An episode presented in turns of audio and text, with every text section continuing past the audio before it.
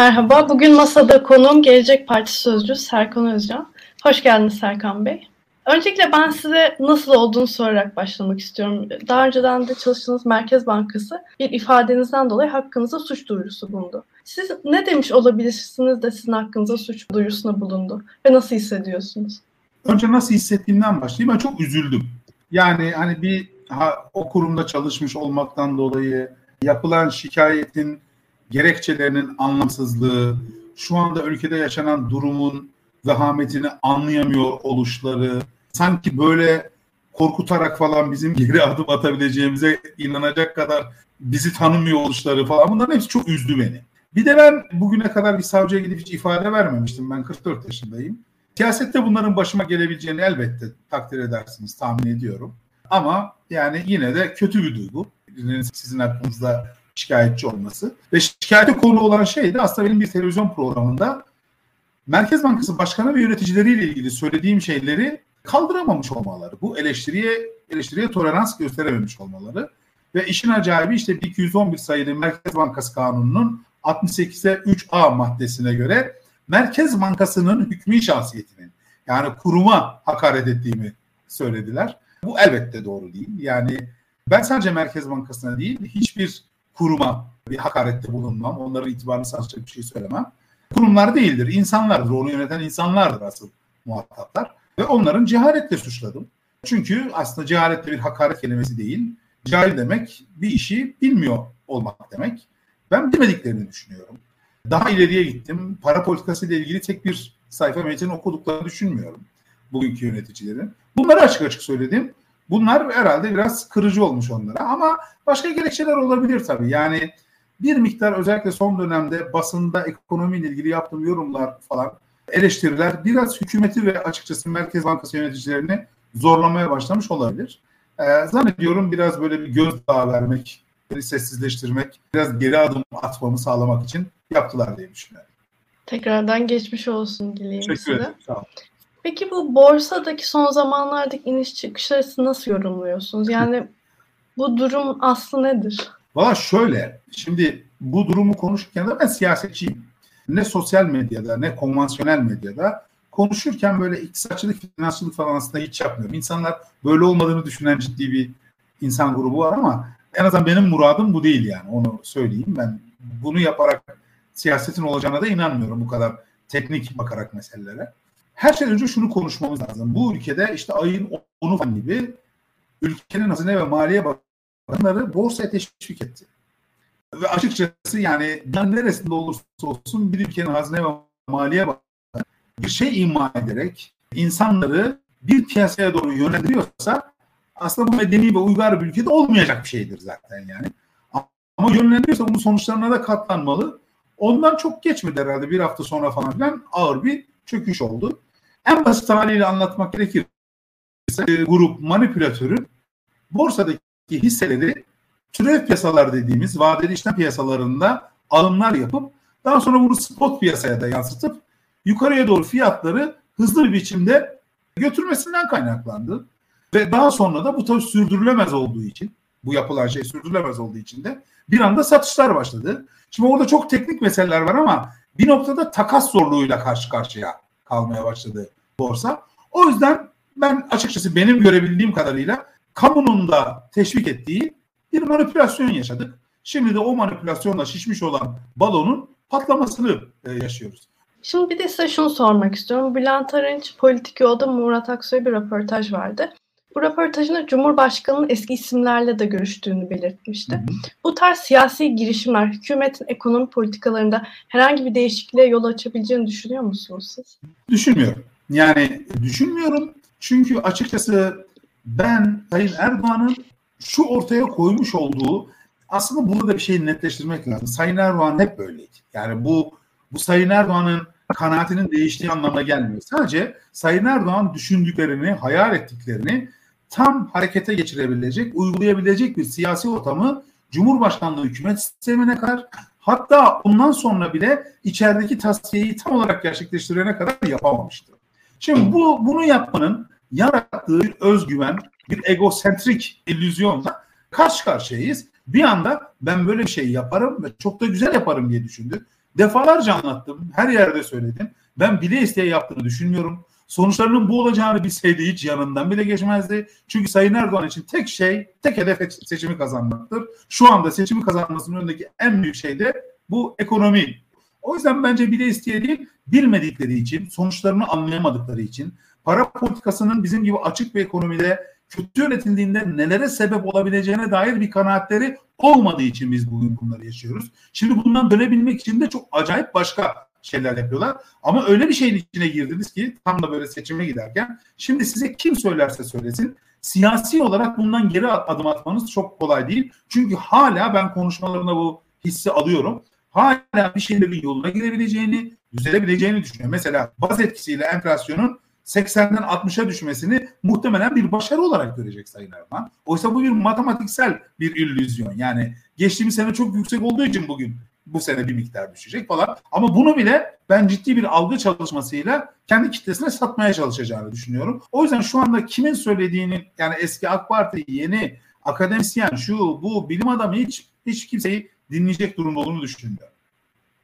Şimdi bu Ukrayna Savaşı sonrası Türk dış politikasında Rusya'ya karşı bir tehdit algısı oluşmuştu. Yani daha denge politikalarında bir değişim olduğunu görüyoruz. Hatta bu süreçte İsrail'le yakınlaşmalara da şahit olduk. Tüm bu süreç sizce Türkiye Cumhuriyeti'nin IMF'ye karşı geliştirdiği bu radikal söylemlerde bir değişim yaratacağını düşünüyor musunuz?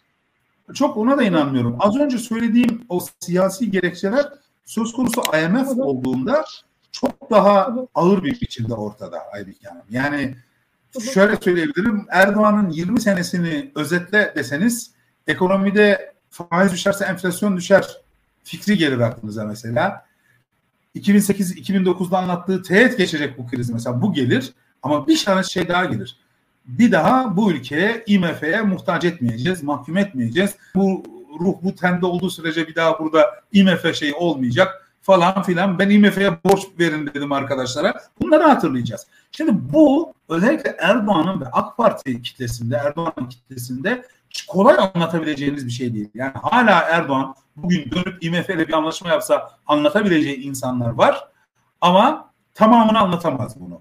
Erdoğan'ın siyasetinin ve özellikle iktisadi siyasetinin özü IMF ve Batı karşıtlığı üzerinedir. Her ne kadar gerçek böyle olmasa da çünkü Erdoğan'ın yükselişinde IMF'nin çok ciddi rolü vardır. Erdoğan'ın yükselişinde Batı sermayesinin çok ciddi rolü vardır. Avrupa Birliği perspektifinin çok ciddi rolü vardır. Ama bu Rusya-Ukrayna savaşından sonra ben açıkçası sizin okuduğunuz gibi değil bir miktar daha Batı ile kurduğu entegre ilişkilerden biraz daha uzaklaşan bir Erdoğan görüyorum. Yani zaten soruya ilk başlarken söylediğiniz hal ve vaziyet benim kafamdaki hal ve vaziyetle çok tutarlı uyumlu değil. Yani ben Ukrayna-Rusya gerginliğinden sonra Batı ittifakı ile aramızdaki mesafenin biraz daha açıldığını düşünüyorum.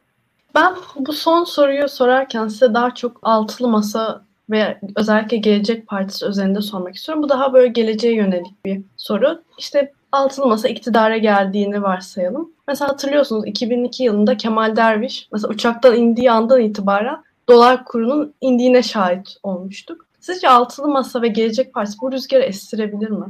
Onunla ilgili kanaatimi söyleyeyim.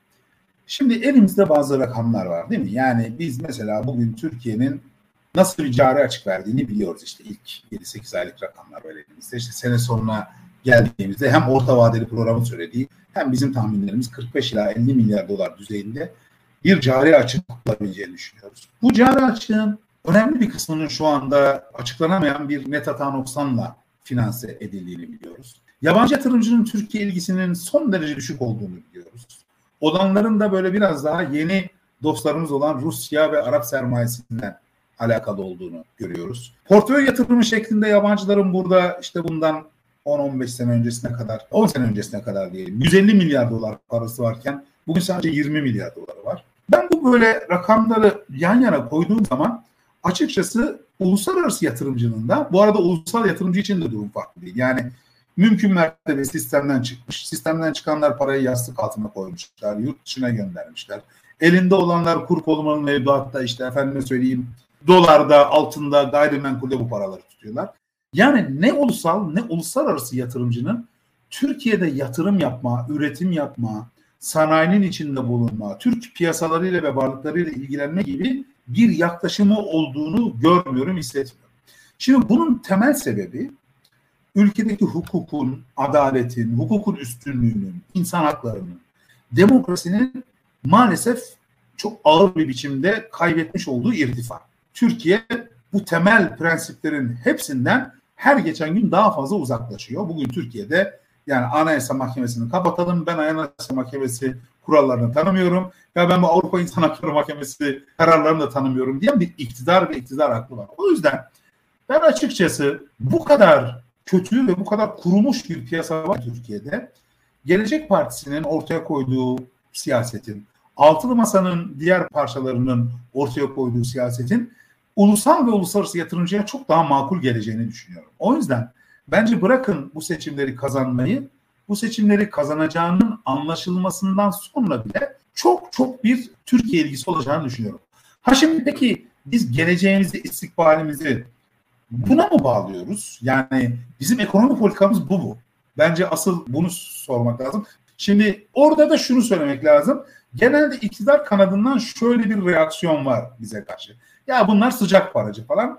Yani mesela bizim programımızda, bizim ortaya koyduğumuz ekonomi modelinde, bizim yıkımdan çıkış yol haritası projemizde, programımızda bunların hiçbirisinde biz sıcak parayı önceleyen bir iktisadi politika falan ortaya koymadık. Ama istesek de istemesek de dışa açık bir ekonomi olarak Türkiye'ye çok ciddi para girecek. Çünkü yok şu anda. Yani bu piyasaya yatırım yapan insanların birçoğuyla görüşüyoruz. Sık bizi ziyaret ediyorlar, fikrimizi soruyorlar. O zaman da biliyoruz yani. Hepsi hepsi şeyi bekliyor. Yani ne olacak da ne zaman değişecek de bu ortadan kalkacak da bu tozman mantıklı birileri gelecek. Biz Türkiye'de şu anda çok ucuzlamış olan piyasalarda alım yapmaya başlayacağız. Ben bunu sayısız insandan duydum. Sadece bakın uluslararası yatırımcıyı kastetmiyorum. Bizim kendi yatırımcılarımızı da kastediyorum. O yüzden evet böyle bir para girecek. Bu sıcak paranın yarattığı bir rüzgar olacak. Ama biz aslında biraz daha bölüşümü önceleyen, kamunun ekonomideki rolünün bir miktar daha arttığı ama bu kamuculuk falan da değil tabii yani genelde de böyle bir değerlendirme var onu kastetmiyoruz. Toplumda dezavantajlı kesimlere yapılacak sosyal aktarımların daha fazla arttığı ama buna karşılık Türkiye'de yatırım ikliminin geliştirildiği, enflasyonun makul düzeylere indiği, daha adaletli bir vergi sisteminin oluştuğu yani eşit kazancı, eşit verginin uygulanabileceği bir sistemin oluştuğu bir idealimiz var, bir hayalimiz var. Türkiye'nin bunu gerçekleştirmesini ben çok zor bulmuyorum. Açıkçası kaynaklarımız olduğunu düşünüyorum. Bu kaynakları doğru yönetebilecek kadrolarımız ve insan kaynağımız olduğunu düşünüyorum. Bu sadece ben Gelecek Partisi için söylemiyorum bunu. Diğer partilerin hepsinde de masanın etrafındaki hepsinde de aklı başında bu işleri anlayabilecek, kavrayabilecek, işin ucundan tutabilecek iktisatçılar, donanımlı insanlar var. Tabii ben kendi partimdekileri çok daha iyi tanıdığım için hepsine kefil de o anlamda. Ama görüyorum, duyuyorum. Diğer partilerdeki projeleri de mantıklı görüyorum. Oralardan da birlikte hepimiz ucundan tutarak gerçekten daha adaletli, bölüşümün daha doğru yapıldığı, finans piyasalarının daha etkin çalıştığı, kamu maliyesinden dezavantajların, sabit gelirlerin daha fazla pay aldığı ama aynı zamanda sadece büyümeyi değil ya da geçici büyümeyi değil, kalkınmayı hedefleyen, insan onuruna yaraşan bir hayatı hedefleyen bir ekonomi sistematiği kurabileceğimizi düşünüyorum. Çok teşekkür ederim Serkan Bey. Bu kısa bir yayın yaptık. Bu yoğun evet. programımızda da bize yer veren çok teşekkür Eyvallah. ederim gerçekten. Çok teşekkür ederim. Ben evet. de sağ olun. Görüşmek üzere. Sağ olun. Görüşmek üzere. Çok sağ olun.